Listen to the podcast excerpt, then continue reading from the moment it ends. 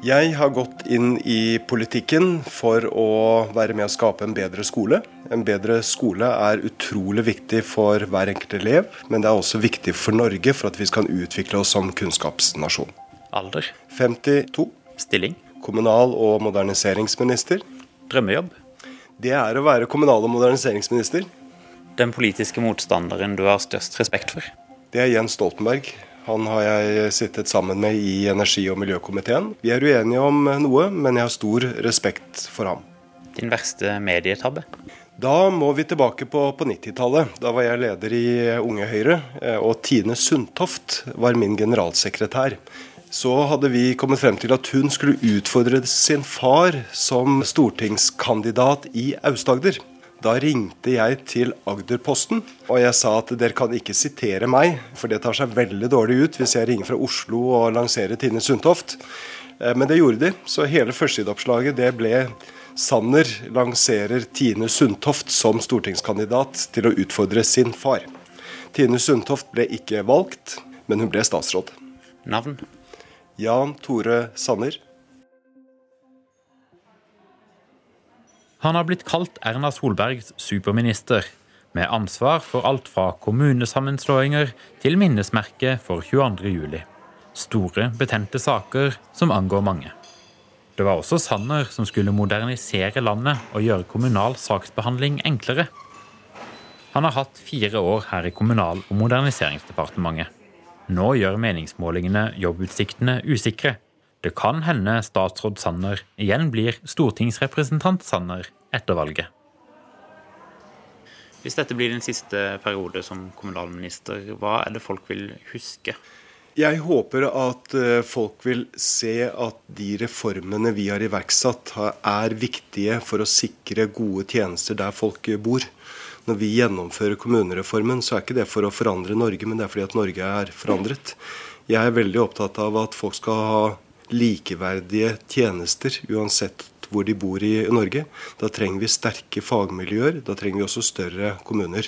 Og Så håper jeg at folk merker at vi har forenklet plan- og bygningsloven. At det er blitt litt enklere nå. eh, Og at vi har fått fortgang i digitaliseringsarbeidet. Eh, Og vi digitaliserer også for at folk skal få raskere og bedre tjenester. Gjøre hverdagen litt enklere for folk. Det har vært sterke reaksjoner på kommunereformen. Hvor tett har du fulgt debattene som har gått rundt omkring i landet? Jeg har eh, fulgt eh, debatten veldig nært. Eh, Jeg har reist Norge på kryss og tvers, besøkt store byer, små lokalsamfunn. Men det har ikke stoppet der. Jeg er så interessert at jeg også sitter på kontoret på kveldstid av og til og følger med på kommunestyremøtene på nett. Og det har vært en del sterke opplevelser når kommunene skal gjøre sitt endelige vedtak. Én ting er å debattere skal vi stå alene eller skal vi gå sammen med naboen og bygge en større kommune. Eh, men når beslutningen skal tas Jeg har utrolig stor respekt for de lokalpolitikerne som har stått i den, den debatten. Og i de møtene så er det frisk diskusjon, sterke følelser, eh, men mange, faktisk nesten 100 kommuner, har kommet frem til at det er riktig eh, å bygge en ny kommune.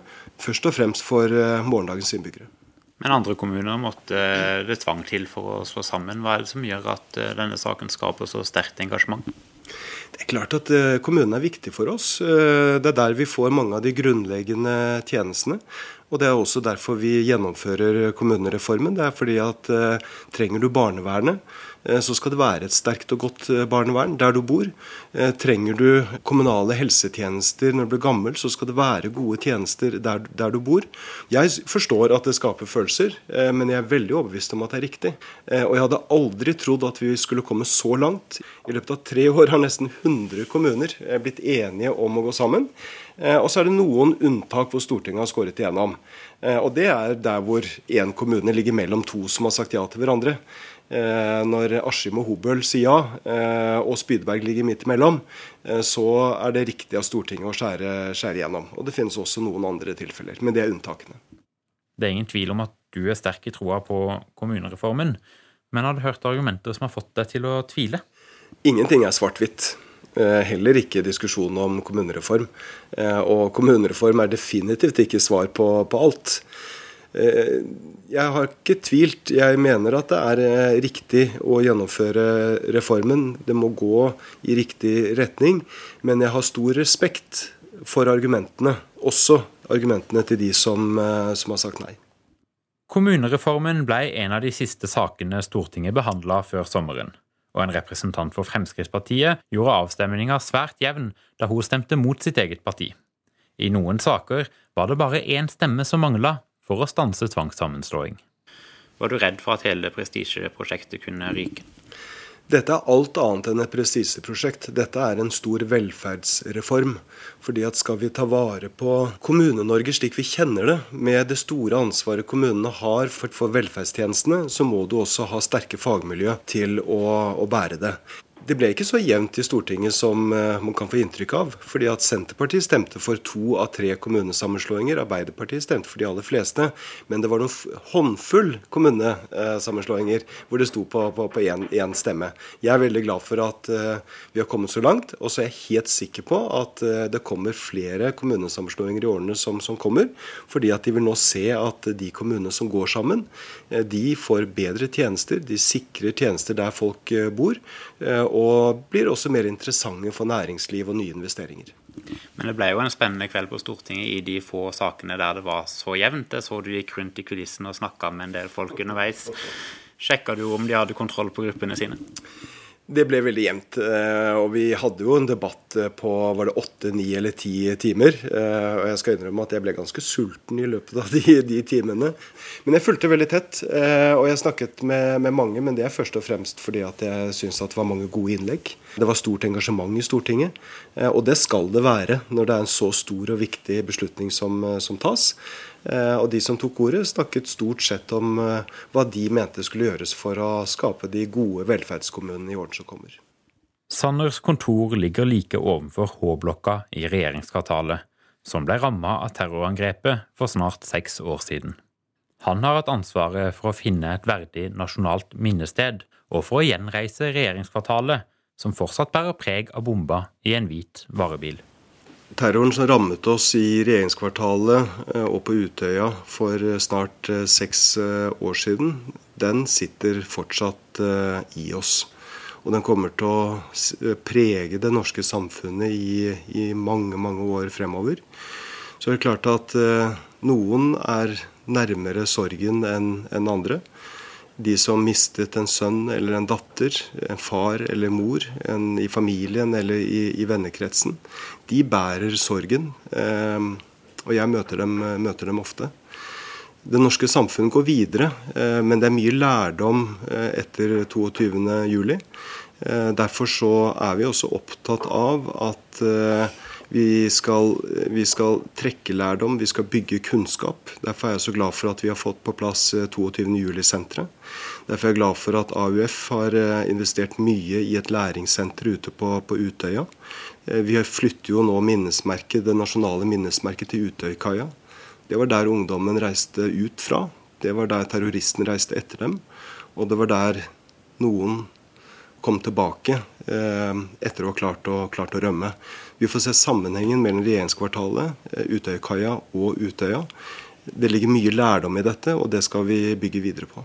Men hvordan klarer du å, å navigere i et sånt landskap der du har pårørende som, der dette fortsatt er friskt i minne, og du har naboer som ikke ønsker å bli minnet på det som har skjedd? Det må være et, ja, et komplisert eh, landskap å navigere i.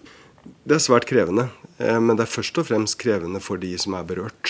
Eh, og jeg har jobbet med denne saken i respekt for de pårørende, de overlevende.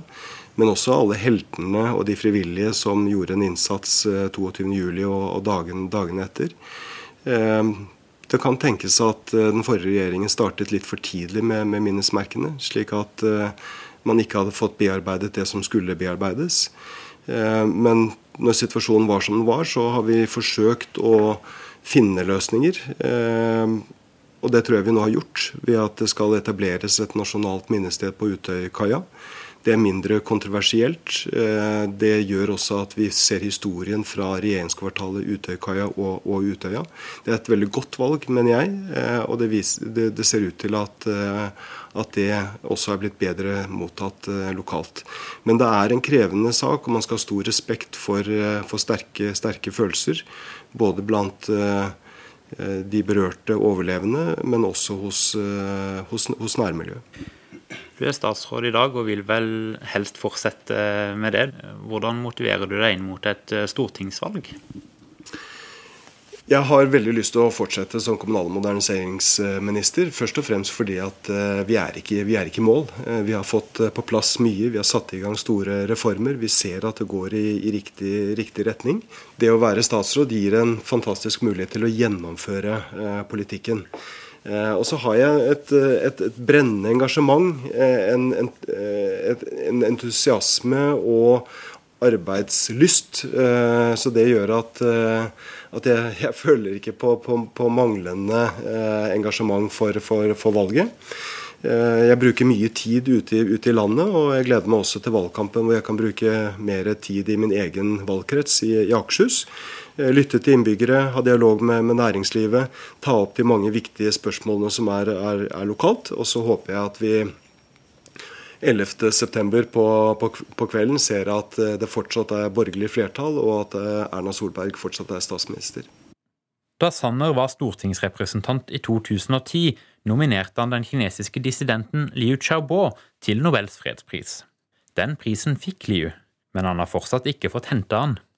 Aftenposten forsøkte nylig å få en kommentar fra Sanner da dissidenten ble overført fra fengsel til sykehus for kreftbehandling. Men Sanner ville ikke svare, og viste til utenriksministeren. Savner du det å kunne si hva du mener? Det er klart det er forskjell på å være stortingsrepresentant og statsråd. Eh, når man er stortingsrepresentant, eh, så du, er du valgt på et eget eh, mandat. Som statsråd så representerer man regjeringen og representerer Norge på en helt annen, annen måte. Så Sånn sett så er det en, en forskjell på å være stortingsrepresentant og statsråd. Men det hadde vært vanskelig for deg å sitte i regjering samtidig som Norge havna i en diplomatisk krise med Kina pga. fredsprisen du foreslo? Det vil alltid være en ulik situasjon eh, når man er statsråd og når man er stortingsrepresentant. Eh, nå er jeg statsråd, og da representerer jeg regjeringen og, og, og, og Norge. Og så er det Utenriksdepartementet som håndterer utenrikspolitikken. Er det andre saker eh, som du gjerne skulle uttalt deg mot hvis du var stortingsrepresentant? Du, eh, det vil alltid være slik, enten man er stortingsrepresentant, eller om man er statsråd, eller om man sitter i partiledelsen i Høyre eller Arbeiderpartiet, så vil det alltid være saker man vinner, saker man taper. Eh, spørsmål man er, er eh, uenig i, og saker som man da får gjennomslag for. Sånn er det, sånn er det alltid. Sånn er det også for, for, for politikere.